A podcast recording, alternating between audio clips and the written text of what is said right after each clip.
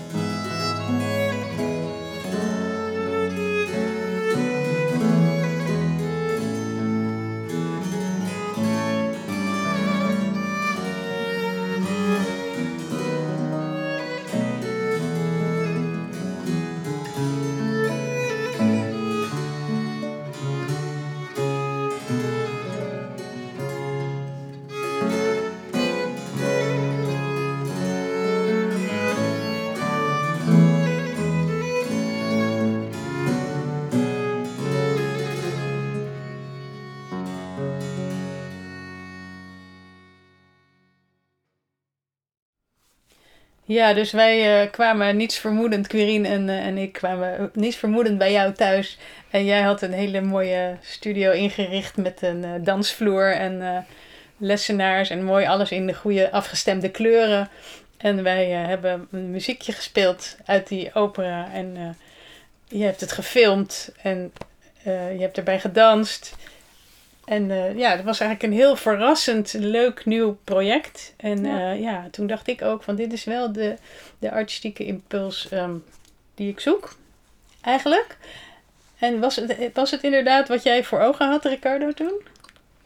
Omdat we hebben echt in video opgenomen voor ons, om te kijken hoe ons werk was. Toen dacht ik dat jij de, daar zag potentieel om nog meer video's te gaan maken.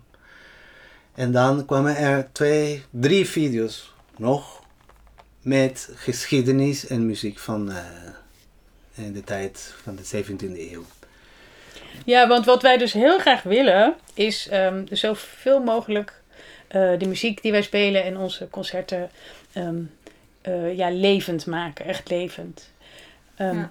En uh, Quirine, ik weet niet, misschien kun jij iets uh, zeggen over hoe jij dat toen beleefd hebt. Uh, dat van het idee van de IC, um, dat projectje bij ja. Ricardo thuis, naar onze uiteindelijke videoserie.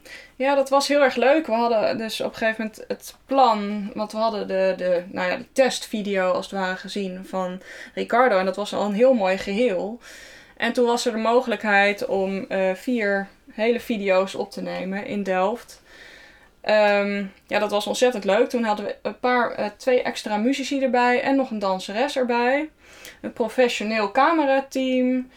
Eh, en Een dat regisseur. ja, een regisseur. Dus uiteindelijk eh, is, die, zijn die video's die staan ook op YouTube. Die kunt u vinden. En Ze heten ook Chroniek in Muziek. Ze staan op het- ons YouTube kanaal. Eh, en we hebben daar echt ja, geprobeerd om even een soort van, eh, als een soort kijkdoos, eh, een tafereeltje te maken van hoe het toen was.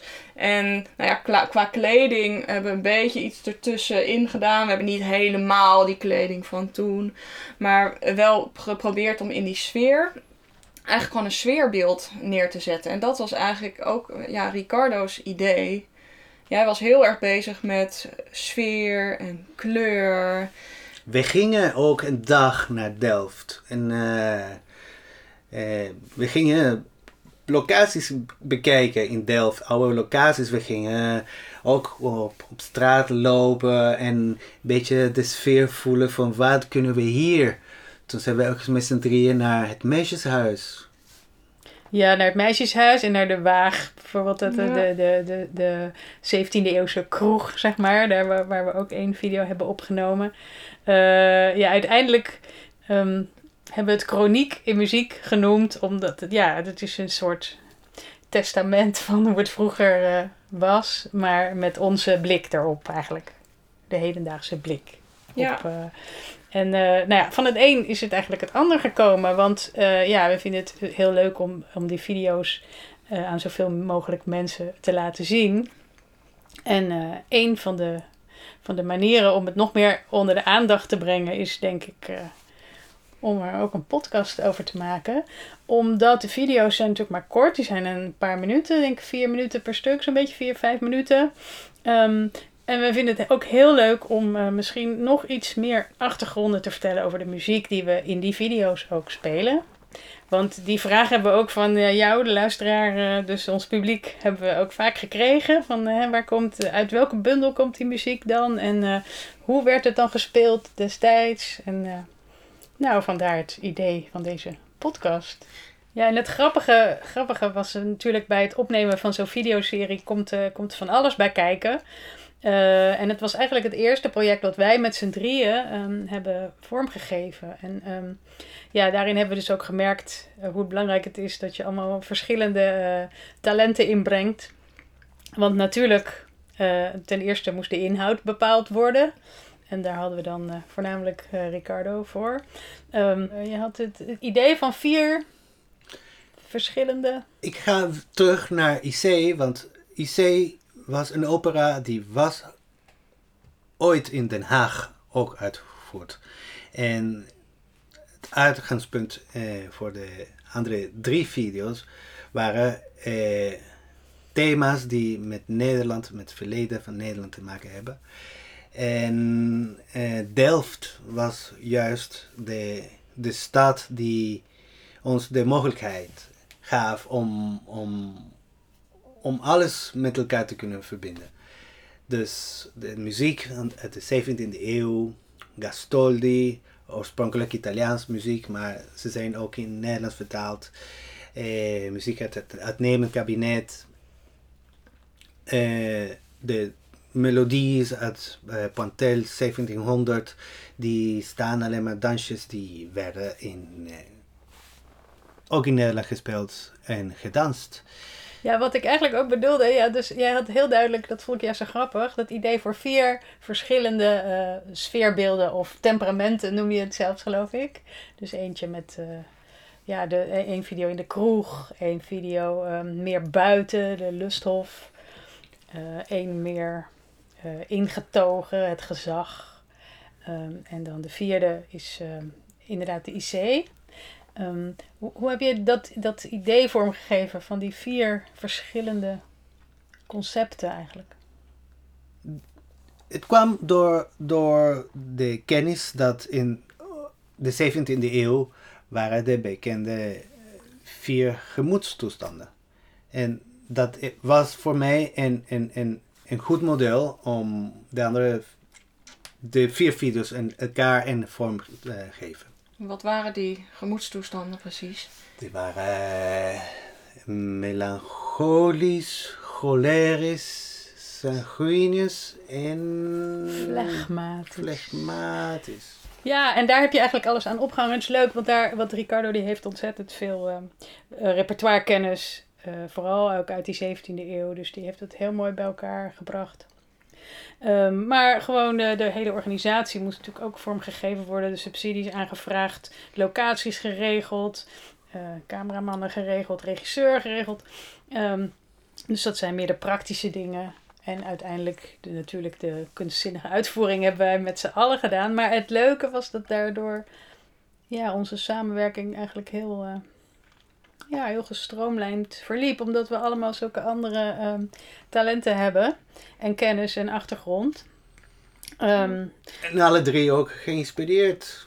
Dus we inspireren elkaar. En dan inderdaad met z'n drieën hebben we mm, één groot idee gecreëerd. En dat is eh, alleen maar mogelijk met drie manieren van denken. Ja, precies. Nou, dat vond ik ook zo leuk, omdat ik heb natuurlijk ooit eh, Camerata Delft opgericht. Ehm, en ja, op een gegeven moment ga je heel erg in één bepaalde richting denken. En wat ik net vertelde over dat ik op zoek was naar een nieuwe artistieke impuls. Eh, ja, jij verzint eigenlijk altijd dingen die, die ik zelf echt, echt nooit had kunnen bedenken. En dat was eigenlijk met eerdere samenwerkingen heel vruchtbaar altijd. Maar wel dat ik altijd dacht van, oh ja, maar dat had ik zelf ook kunnen verzinnen. En bij jou heb ik dat eigenlijk nooit. Ik denk altijd, wauw, dat had ik zelf nooit kunnen verzinnen. Dus dat is echt heel grappig. Ehm, dus, eh, nou ja, en met Quirin, ik, ja, ik ken jou natuurlijk al heel lang. Ik werk heel, heel lang al met jou samen, maar gewoon als muzikus tot muzikus, maar niet in zo'n praktische setting. Ja. En ik merk dat jij echt juist heel erg goed met praktische dingen bedenken en oplossingen en eh, heel snel schakelen. En eh, ja, dus dat was van jouw kant weer een hele Ja. eh, leuke inbreng. Buiten natuurlijk jouw muzikale supertalenten. Ja, ik zie mijzelf altijd meer als de, de doener, de uitvoerder inderdaad. Van, eh, oh, er moeten requisieten geregeld worden. Oh, nou, dan ga ik wel even in een kringloopwinkel kijken. Oh, eh, hoe doen we dat eigenlijk om de muziek en het beeld synchroon te laten lopen? Ja, dan moeten we op een of andere manier de muziek aanzetten en meespelen. Nou, dat regel ik dan. Ja, en voor de rest het viool spelen en zingen. Ik vind het heel leuk als ik dan ja, verschillende dingen mag doen die ik allemaal leuk vind. Ja, grappig. Leuk. Nou ja, dus ja, zo en, jij, en jij die al het overzicht bewaart. probeer te bewaren. Ja. Ja, nou ja, dat was in ieder geval. De, dus die, die creatie van die vier video's was eh, een soort van de geboorte van eh Camerata 2.0. Eh, en nou ja, misschien is dit wel 3.0 deze podcast, ik weet het niet. Ja, nou over de, de inhoud van de, van de video's, dus de muziek die we daarin gebruikt hebben, gaan we nog meerdere afleveringen maken. Dus eh, ja, er is heel veel over te zeggen. Eh, ook gaan we afleveringen maken over eh, hoe wij als muzici het beleefd hebben en hoe we überhaupt ons, het leven als muzikus doorkomen. Over onze instrumenten gaan we het nog hebben. Ehm, maar misschien heb jij als luisteraar ook wel vragen of dingen waar je denkt: hier wil ik heel graag wat meer over weten. Vraag het ons alsjeblieft. Dus eh, je kan heel makkelijk een mailtje sturen naar podcast.cameratadelft.nl. Ehm nou, mag ik jullie bedanken, teamleden Quirin en Ricardo, om, eh, voor deze allereerste aflevering. Heel spannend en heel gezellig ook. Dankjewel voor het luisteren naar Chroniek in Muziek van Camerata Delft. Bekijk ook de videoserie Chroniek in Muziek op YouTube. Heb je vragen of wil je reageren? Stuur dan een e-mail naar podcast.cameratadelft.nl Vond je deze aflevering interessant? Deel hem dan met al je vrienden. Wil je geen aflevering missen? Abonneer je dan op deze podcast. Ben je enthousiast? Laat dan een review achter in de app waarmee je deze podcast beluistert. Wil je meer weten over Camerata Delft? Bezoek dan onze website www.cameratadelft.nl of volg ons op YouTube, Facebook of Instagram. Wil je ook op de hoogte blijven van onze activiteiten? Meld je dan aan voor onze nieuwsbrief. Tot gauw bij de volgende aflevering.